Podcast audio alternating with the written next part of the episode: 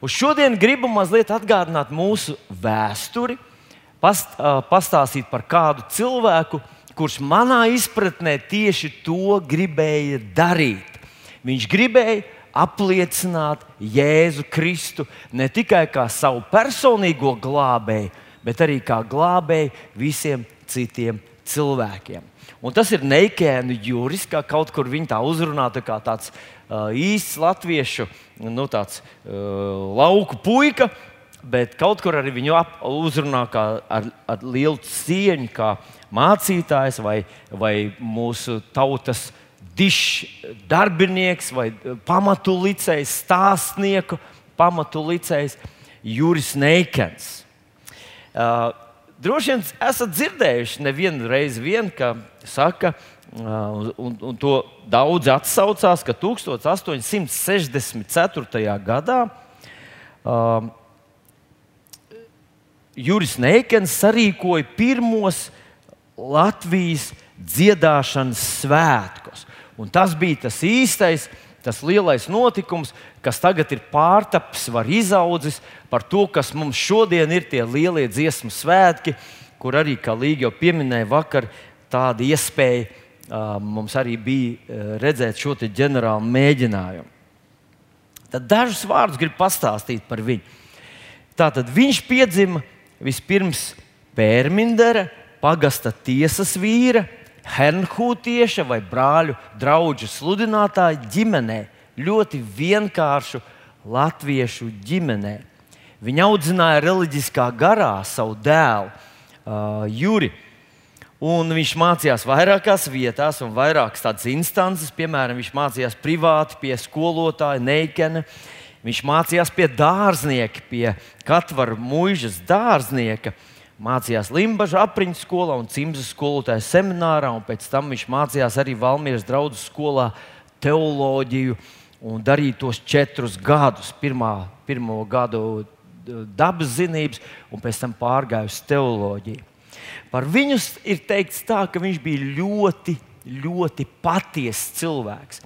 Un viņam tiešām nebūtu izdevies teikt vienu teiksim, publiski uzturēt kaut kādu vienu tēlu, bet savā dzīvē būt savādākam. Tas ir bijis cilvēks, par kuru teica, ka viņš tam, kam ticēja, to viņš arī runāja un to viņš arī darīja.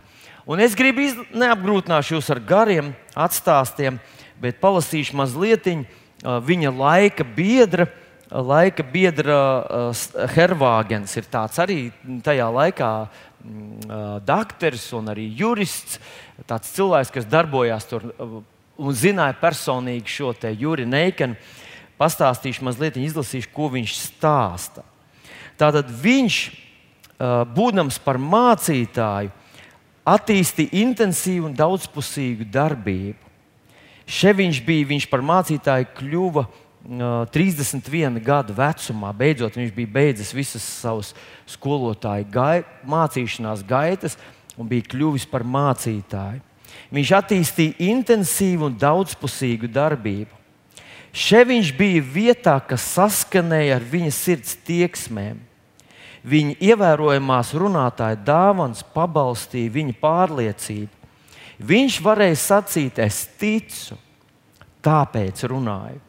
Ļaudis bariem nāca viņa klausīties. Arī svešas draudzes viņu daudzkārt aicināja uz Bībeles svētkiem. Pie tam viņš rūpējās par katru draudzes locekli. Dīkļu draugs piederēja pie vidzemes vismazākajām draudzēm. Un tagad ir tas, ko Hervāgens par viņu saka.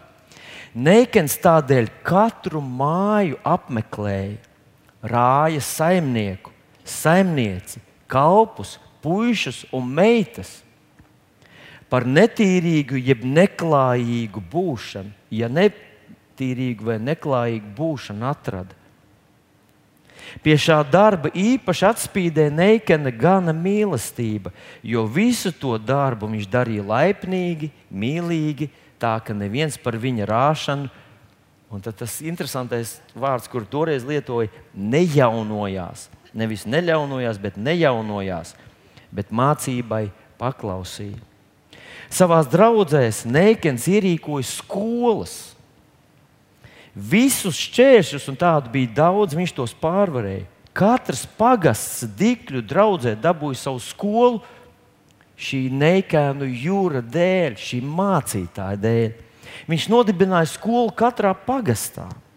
Viņš apgādāja plašāk, vēl plašāk viņš apgādāja mūsu zemi ar skolām, būdams Valmieras prāvesta iecirkņa skolu pārlūks. Un tagad svarīgi. Lai paceltu latviešu garīgo dzīvi, Neikans rīkoja dziesmu svētkus. Pirmos plašākos dziesmu svētkus nosvinēja 1864. Uh, gadā Dikļos. Tas ir tas, kas pieminēts kā pirmais. Bet tie bija pirmie plašākie. Viņš bija atkal un atkal aicinājis visur, katrā pagastā kopā cilvēkus. Nu, ko tad lai darītu? Nu, viņiem vienkārši gribējās padziedāt. Nē, Neikens lasīja Bībeli. Un Bībeli, kā īstenis kristīgs vīrs, īstenis ticīgais cilvēks, viņš lasīja psalmus, kur rakstīts, teica to kungu man dvēseli. Ka Dievs savu godu troni būvē savas tautas slavas dziesmās. Tad, kad tu un es mēs nevis nopūšamies, bet, un, un nevis kritizējam, nevis sakam, kā mums nav, bet pateicamies par to, kas mums ir. Es pateikšu to tādā, varbūt tādā familiāros vārdā, bet viņš izsaka tieši to, tas kāda jēga tajā ir, ka Dievs nāk klausīties. Viņš liek savu godu krēslu, jo viņam patīk būt sadraudzībā ar cilvēku. Dievs ir ļoti cilvēkam draudzīgs Dievs. Un tā Neikens to sāk rīkot. Plašākie bija šajā, šajā te, uh, ast, um, 64. gadā Dikļos. Tajā piedalījās seši vīru kori, un tajiem laikiem tas noteikti bija kaut kas nozīmīgs. Pie kam nevienam no tiem dziedātājiem nemaksāja, neizmaksāja, viņus neatveda. Cilvēki ļoti bieži gāja kājām, un gāja kājām milzīgus gabalus, kas mums šodien šķiet vispār nebūtu iespējams. Viņi gāja tur tādēļ, lai dziedātu kopā, dziedātu Dievam jo klausītāji bija mazāk nekā dziedātāji. Kas mūsu gadījumā iespējams, ka vispār atņemt jebkādu vēlmi dziedāt. Bet viņš rīkoja tādus pašus slavēšanas svētkus arī nākamajā gadā, 65.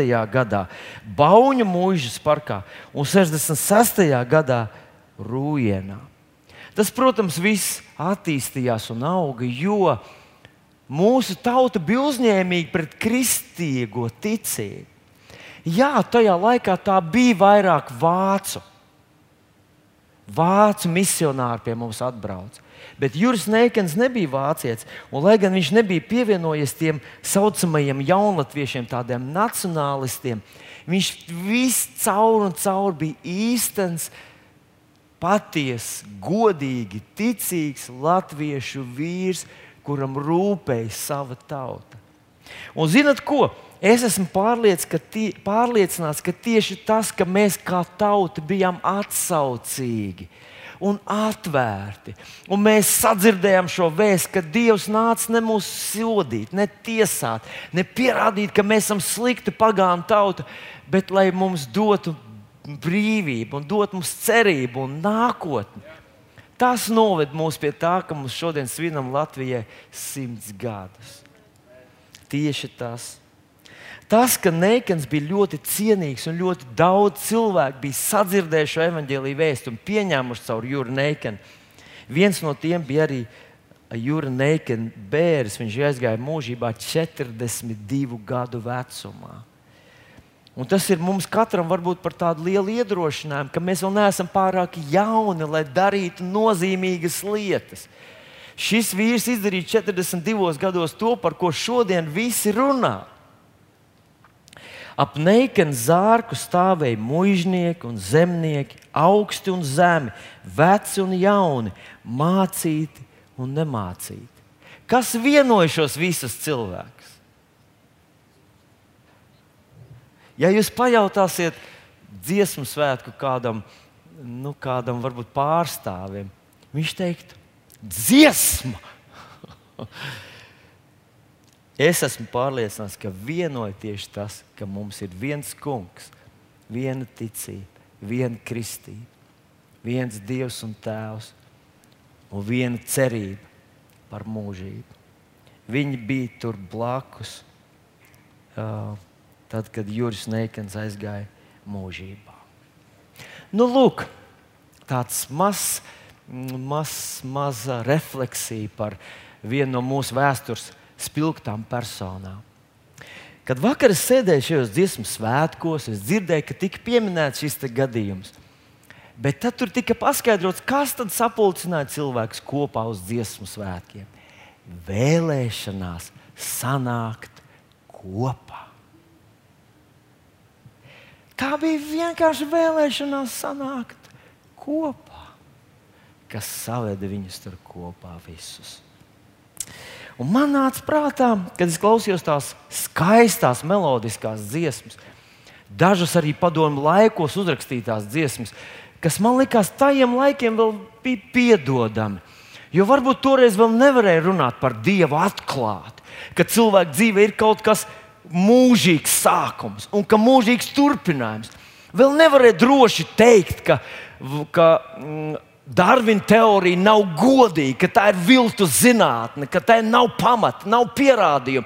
Nekur tā nav parādījusies, izņemot kaut kādās nelielās atšķirībās, vienas sugas robežās. Un tad varbūt cilvēki to savu lūgšanu dievam, savu pateicību un to savu vēlēšanos palīdzi, svētī, padara mūs par svētu tautu.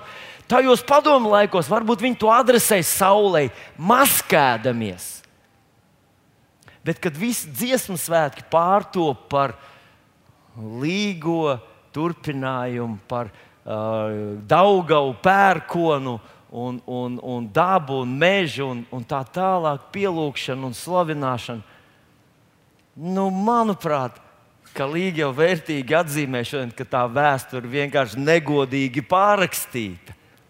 Un, ziniet, vēl tas man atgādināja to, ko es esmu redzējis kas atkal un atkal notiek mūsu tautā. Ka mēs gribējām kā labāk, bet izdarījām tā kā, tā kā vienmēr. Nu, es esmu to redzējis, mīļie draugi. Jūs varat man uzticēties, vairs neesmu jaunietis. Es esmu to redzējis, ka vecāki saņem savu bērnu kā brīnumu ka doktors saka, ka nebija iespējams, un nevarēja, un, un jums nebūs, un viņš nedzīvos, un, un, un, un nav izredzes, un nekas no viņa nesanāks. Atstājiet viņu slimnīcā. Bet vecāki ticībā paļāvās uz Dievu, sauc uz debesīm, saņēma savu brīnumu un ir simtprocentīgi pārliecināti, ka tā bija Dieva roka, kas iejaucās tajā gadījumā. Bet izauga tas mazais brīnums, Un pēkšņi viņam sāk likties, ka Dievs ir tāds apgrūtinājums. Nu, ko tur dziedāt tam dievam, kuru mēs neredzam? Dziedāsim Daugavai, dziedāsim uh, saulei, dziedāsim mm, nu, pērkonam. Nu, tas taču ir tāds taustāmāks un, skaidrāks, kas tur notiek, nekā Dievs.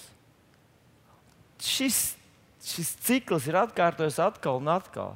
Nu, atcerieties, Dievs pašā Bībelē mums stāsta, ka Dievs pašā sākumā ielika cilvēku ēdienas dārzā.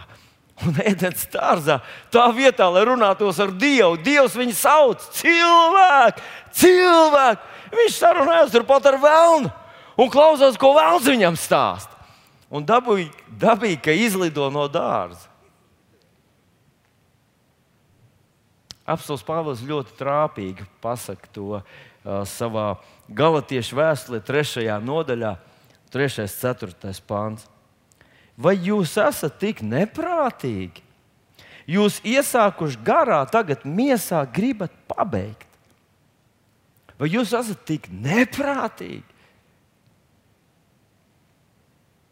Kaut kā mēs būtu prātīgi. Ziniet, ja mūsu zemē nebūs nekādu lielu pārmaiņu, un mēs to, kur mēs šodien esam, saucam par dārzu, ja mēs tā turpināsim kā šobrīd, mēs varam izlidot no dārza, kas saucās Latvijai simts. Jo es ticu, ka tā nav NATO tanki un lielgabali, kas pasargā mūsu Tās nav Eiropas direktīvas, kas sargā mūsu zemi un mūsu bērnus. Tā ir Dieva roka, kas to dara. Un latviešu tautai vajadzētu būt gana gudrai tautai, lai dotu godu tam, kurš visur ir bijis klāt pie mūsu tapšanas par tautu, pie mūsu pašapziņas, kultūras, pie mūsu mākslas, pie mūsu politikas, pie mūsu diženo cilvēku, valsts vīru un inteliģences izveidošanās. Tā bija Dieva roka, kas tur bija klāta. Dievs ir mūs atvedis līdz šai simtgadēji.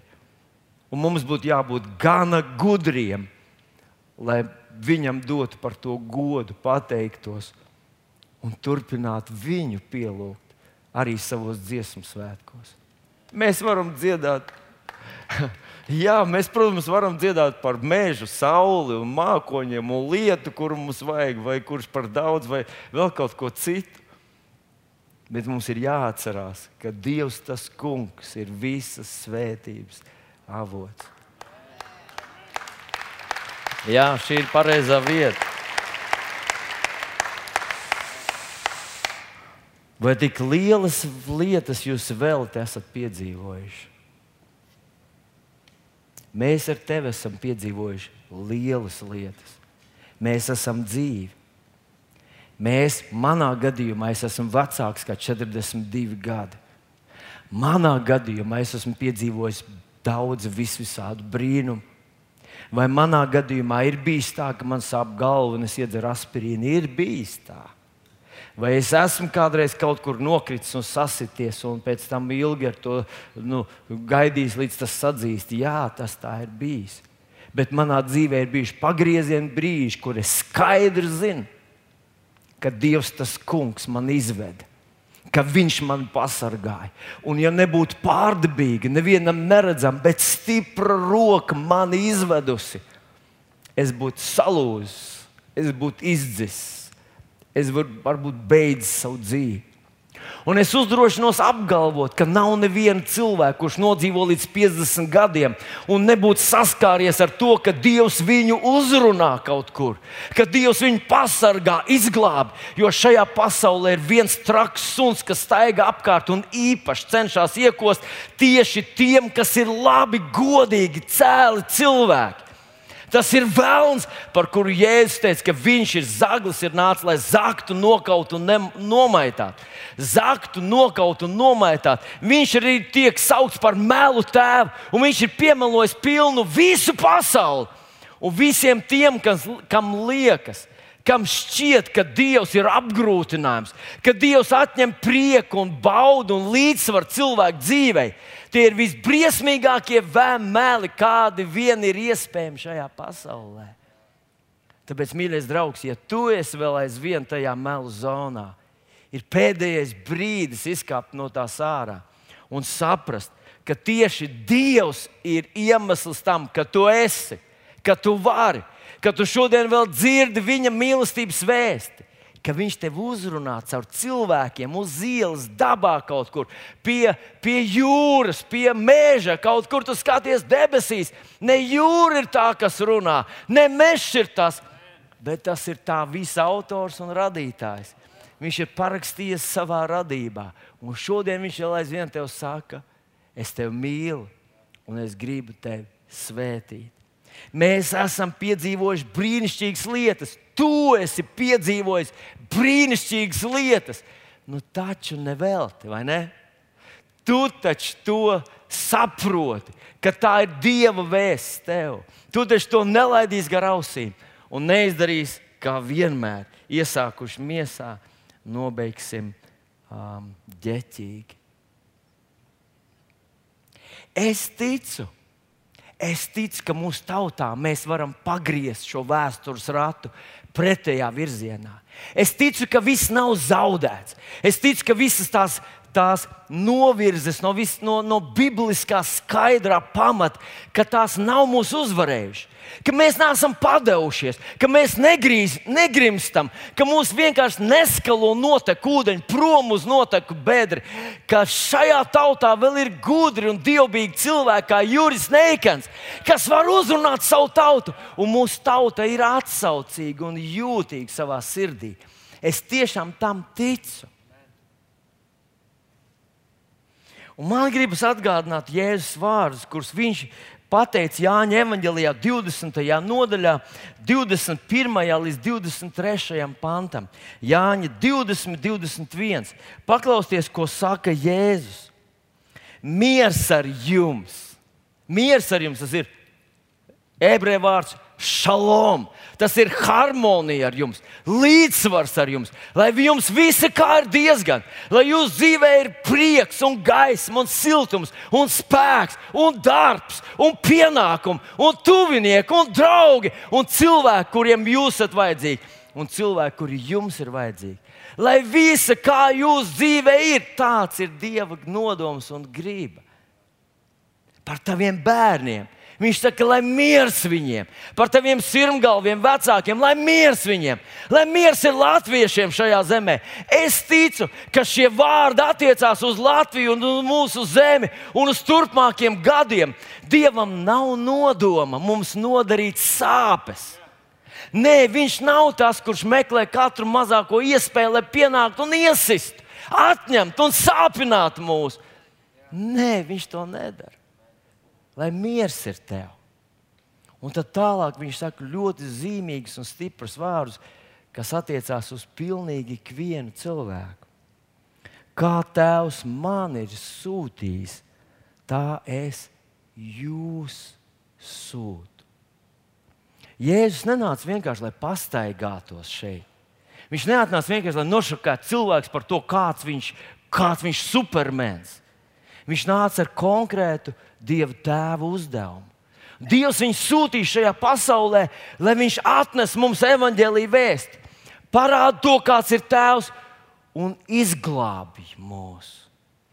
Un viņa dzīvē ir tas ģedzamāns posms, kurā viņš apzināmies, ka tas uzdevums ir ļoti smags, viņa dvēselē, ka tas ir neizturams, ka tas ir kaut kas tāds, ko viņš nekādā ziņā nebija pelnījis, bet kas viņam pilnībā ir jāuzņemas.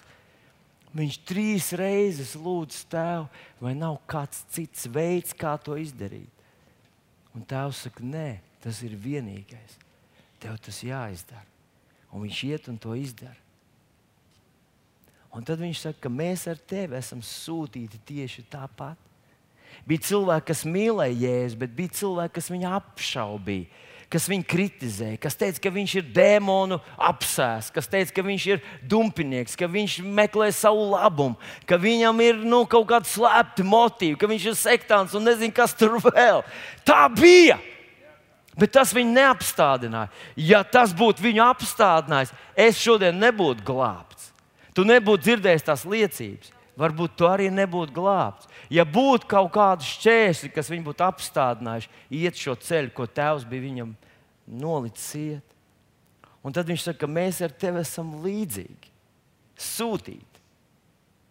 Cilvēka dzīve ir kaut kas vairāk nekā tikai iegūt profesiju, sapelnīt naudu un tad nodzīvot līdz beigām, mierīgi un pārticīgi, izaudzināt bērnus, novēlēt par pareizo valdību un tā tālāk. Cilvēka dzīve ir kaut kāds lielāks uzdevums. Un viens no iemesliem, kāpēc vēlams ienīst cilvēkus un grib viņus pēc iespējas pievilt un pazudināt pēc iespējas ātri, ir tieši tāpēc, lai viņi neizpildītu savu misiju šajā pasaulē. Tu nevari to izpildīt bez Jēzus Kristus. Tāpēc viņam tevi vajag. Viņš nevienkārši ienāks tavā dzīvē, lai svētdienas rītā tu div, divas stundas veltītu viņam. Ne tikai tāpēc, lai tev būtu tāds mazs dejolīs, kur tu pasaki, Jēzus Kristus ir mans kungs un tā tālāk. Viņš ienāk tavā dzīvē, ja viņš vēl nav ienācis, viņš vēlas tajā ienākt, lai paņemtu visu tavu dzīvi. visu tavu dzīvi, un tev tas patiks. Tev tas patiks. Kāpēc? Jo tai būs jēga, tai būs nozīme. Tai būs sarežģīts uzdevums, bet viņš palīdzēs tev to piepildīt. Dārgais draugs, varbūt tu esi šodien šeit un tu esi tāds pašpietiekams cilvēks. Tev ir darbs, tu savu naudu nopelni, pats to notērē, un tev vienalga, kas pasaulē notiks, tu kaut kā izdzīvos. Tieši tā, kaut kā tu vienmēr izdzīvos.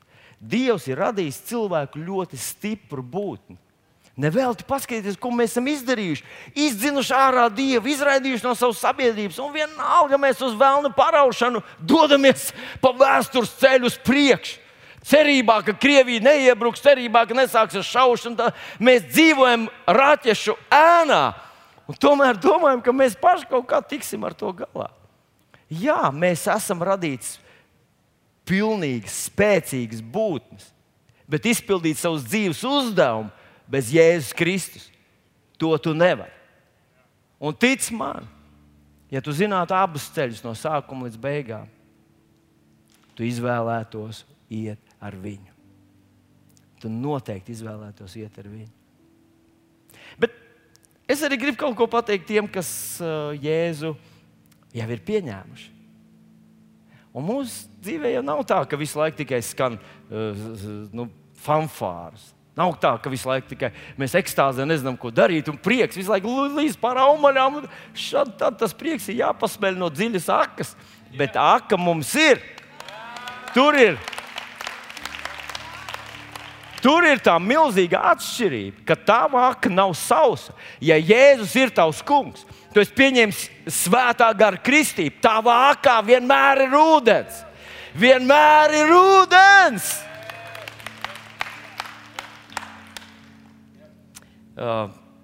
Mūsu vidū ir viens jauns uh, uh, puisis, kurš sāk savus lauksaimnieka gaitas. Un šajā vasarā viņš iesēja tādu lielu, lielu lauku ar, ar īpašu kultūru un sausums. Un es viņam saku, ko tu tagad dari? Liels, milzīgs lauks, kā lai to nolaistu? Viņš teica, man ir dīķis pilns ar ūdeni. Un viņš no tā dīķa smeļ un lej pār savu lielo lauku. Viņš saka, ka viss būs kārtībā. Un tāds ir kristietis, tāds, kurš nesmeļ, arī viņš var izkaust. Ja? Tā ir patiesība. Bet tāds, kurš smeļ, nekad neizkaltīs. Bet paskatieties, ko saka Jēzus tālāk. Tepat šajā vietiņā, kur viņš saka 22. un 23. pantā. Un viņš dvēseli un sacīja viņiem: ņemiet svēto garu kam jūs grēkus piedosiet, tiem tie būs piedoti. Kam jūs tos paturēsiet, tiem tie paliks. Nu, ko tas nozīmē? Ko tas nozīmē? Ir cilvēki, kas burtiski iet klāt un saka, es tev piedodu tavus grēkus. Kas piedeva tavus grēkus? Tev? Man piedeva grēkus vīrs zelta cepurē. Kas viņam piedeva vīrs dimanta cepurē. No. Bet, zinot, kā tur ir? Īsnībā Jēzus piedeva mūsu grēkus.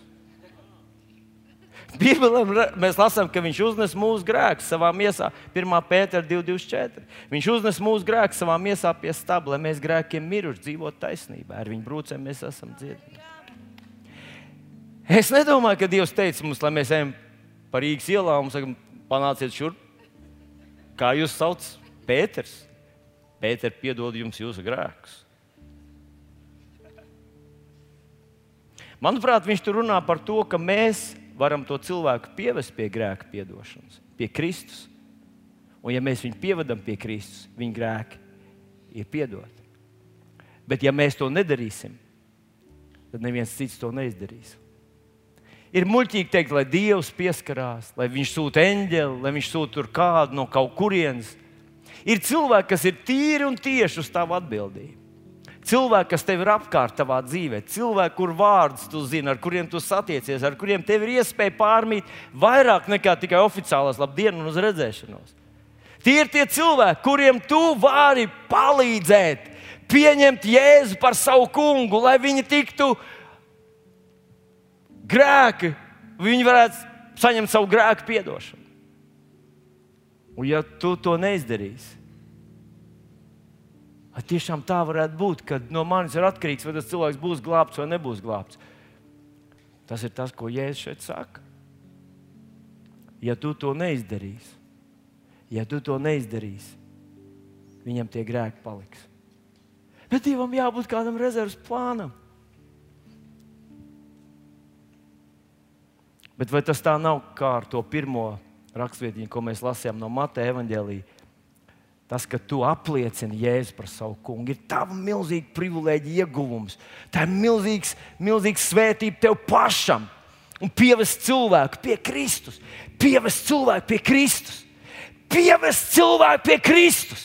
Nav kauns, tas nav zaudējums, tas nav ar, ar, ne, ar neitrālu koeficientu. Tas ir kaut kas, par ko tu būsi laimīgs, ka tu to esi izdarījis. Tas ir kaut kas, par ko tu priecāsies vairāk nekā par lielu algu, labu profesiju, par labu stāvokli sabiedrībā. Tas ir kaut kas, kas ies tev līdz mūžībā. Es šodien tevi uzrunāju, mans draugs, mans brāl un māsa. Kā ir ar tie cilvēki, pie kuriem tu esi sūtījis, sūtīts? Vai viņi ir saņēmuši tādu īstu Kristus mācekļa liecību? Vai viņi ir saņēmuši īstu Kristus mācekļu dedzību, un mīlestību un neatlaidību. Es esmu dzirdējis vairākas liecības par cilvēkiem, kuri ir stāstījuši, ka man kāds liecināja, punkts viens. Bet ziniet, kas vienmēr neiztrūka, punkts divi, un bija ļoti neatlaidīgs. Ļoti neatlaidīgs. Es nu pat kalpotāju nometnē klausījos vienu vien no mūsu sievietēm stāstīt. Mana vīra māte bija neatlaidīga, bet es arī biju neatlaidīga. Viņa man stāstīja, un es turējos tāpat pretī. Tas bija mans, mans nu, kurš kuru. Un vienā dienā viņa teica, es viņu lūdzu, paņem man līdzi, paņem lūdzu man līdzi uz to draugu, kur tu brauc. Man to vajag. Ir cilvēki, es apgalvoju, ka tev apkārt ir cilvēki, kuri zina, ka viņiem to vajag bet viņi ir ieņēmuši šo savu pozīciju. Viņi eh, domā, ka padoties tev un atzīt tavu argumentu spēku ir vājums, un viņi meklē jaunus argumentus rokās kaut kur. Gluži kā Aiga teica, meklē kaut kur, nevar būt tik šaurs ceļš. Bet Bībelē, diemžēl, ir uzrakstīts, ir viens šaurs ceļš uz debesīm. Ir tikai viens vienīgs šaurs ceļš uz debesīm. Apstākļu darbu 4.12. Nav pestīšanas nevienā citā. Nav neviena cita vārda cilvēkiem zem debesu dots, kurā viņiem lemta pestīšana. Vēl jau mazāk pērkonā, Daugavā, brīnišķīgā Daugavā, brīnišķīgs pērkons, brīnišķīgs mežs, saule, jūra, brīnišķīgas tautu meitas, brīnišķīgi mūsu tautu dēli. Viņi nav dievi, viņi vienkārši Jāņa, Pētera, Kārļa un tā tālāk. Un, un, un. Bet ir tikai viens vārds. Ir viens vienīgs vārds Tu zini tagad patiesību. Ir tikai viens vārds. Ir tikai viens visās pasaules reliģijās, ir tikai viens vārds, kurš pasludināja savu nāvi. Izdarīja to. Pēc nāves vairāk kā 40 dienas runāja uz vairāk kā 400 cilvēkiem. Vairāk kā 400 cilvēkiem, lielākā daļa no viņiem nomira asinsliecinieku nāvēs. Tas nozīmē, viņiem teica, atsakieties un dzīvojiet uz, nu, mierīgi. Bet viņi teica, mēs nevaram atteikties no tā, ko esam paši redzējuši, piedzīvojuši un dzirdējuši. Un nomira liecinot ar savām asinīm par to, ka Jēzus visu notikums, viņa vārdi, viņa vēsts, viņa misija ir patiesa. Un šodien viņa mācekļi esam tu un es. Mēs nevaram dzīvot tā, it kā nebūtu sūtīti. Tu esi sūtīts! Un man šodien gribētos nobeigt ar tādu cerību un vīziju Latvijai. Mēs iesākām labi. Tas bija Juris Neikens, viens aktīvs latviešu puisis. Viņš bija apgūlis uh, Bībeli, un viņš no visas sirds centās latviešu valodā to iet pie saviem pie saviem tautiešiem. Viņš nebija augstprātīgs. Par viņu laika biedri saka, ka viņš ļoti mīlēja savus tautas cilvēkus. Kaut arī viņš jau tika pieskaitīts tai vācu klasē, viņš teica, viņš uzskatīja savus draugus locekļus, vienkāršos latviešos par viena koka, uh, ka viņš ir koks un viņi ir zāri. Viņi ir no viena koka dažādi zāri. Viņš stāstīja viņiem. Viņš aicināja viņus kopā nākt un slavēt un godināt mūsu Dievu, kas mums ir devis dzīvību, elpu un visu, kas mums ļauj dzīvot pasaules pašā labākajā laikā. Mēs ar tevi dzīvojam laikā, kāds nekad nav bijis. Nekad mēs neesam tik daudz ceļojuši.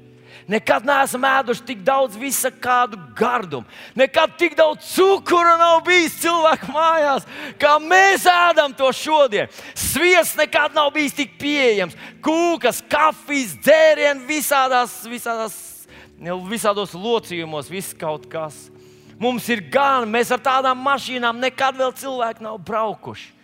Bet par žēlu mēs esam palikuši nabagi savā dvēselēs un esam nolaidušies līdz tam, ka esam sākuši pielūgt kokus, celmus, sūnas un, un, un, un upes.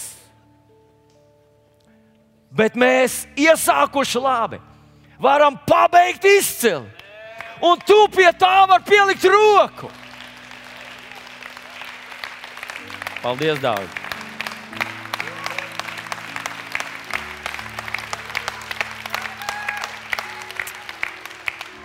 Vai jūs domājat, man vajadzētu par prezidentu iet?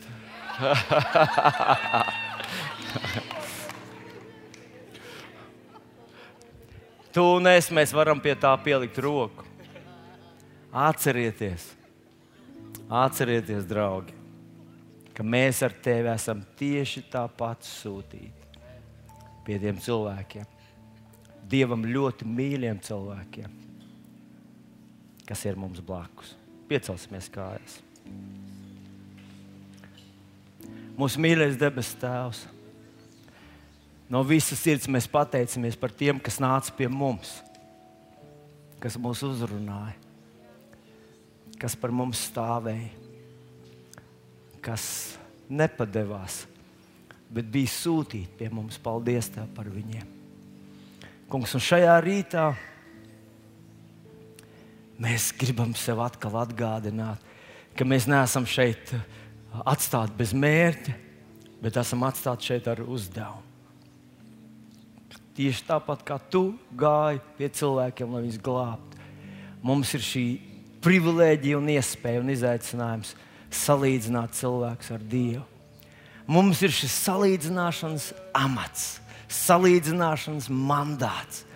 Šis salīdzināšanas pienākums un atbildība ir uz katru mūsu dvēselē uzticēts. Mēs tev par to pateicamies. Kungs, un Jēzus vārdā mēs lūdzam par savu tautu. Mēs iesākām labi. Mēs iesākām slavējot un godinot tevi. Mēs nācām kopā, zinot, ka cilvēks gan strādā, cik viņam ir spēka, bet viņam ir vajadzīgs debesu atbalsts. Un tu to devi mūsu tautai un mūsu zemei. Un šodien mēs atkal gribam apliecināt, mēs strādāsim Dievs. Mēs zinām, ka cilvēkam ir jādarbojas šeit virs zemes. Bet mēs šodien pateicamies, ka tu palīdzi mūsu tautai, tu palīdzi mūsu zemē, ka tu palīdzi mūsu politiķiem, palīdzi mūsu izglītības darbiniekiem, mūsu inteligencei, tu palīdzi mūsu zinātniekiem, mūsu karavīriem. Kungs, jo no tevis ir viss tas, kas ir palicis par svētību un spēku. Un mēs to šodien pieņemam un vēlreiz pasludinam savai zemē. Kunga Jēzus vārdā. Un izdraudz sacīja, Āmen! Amen.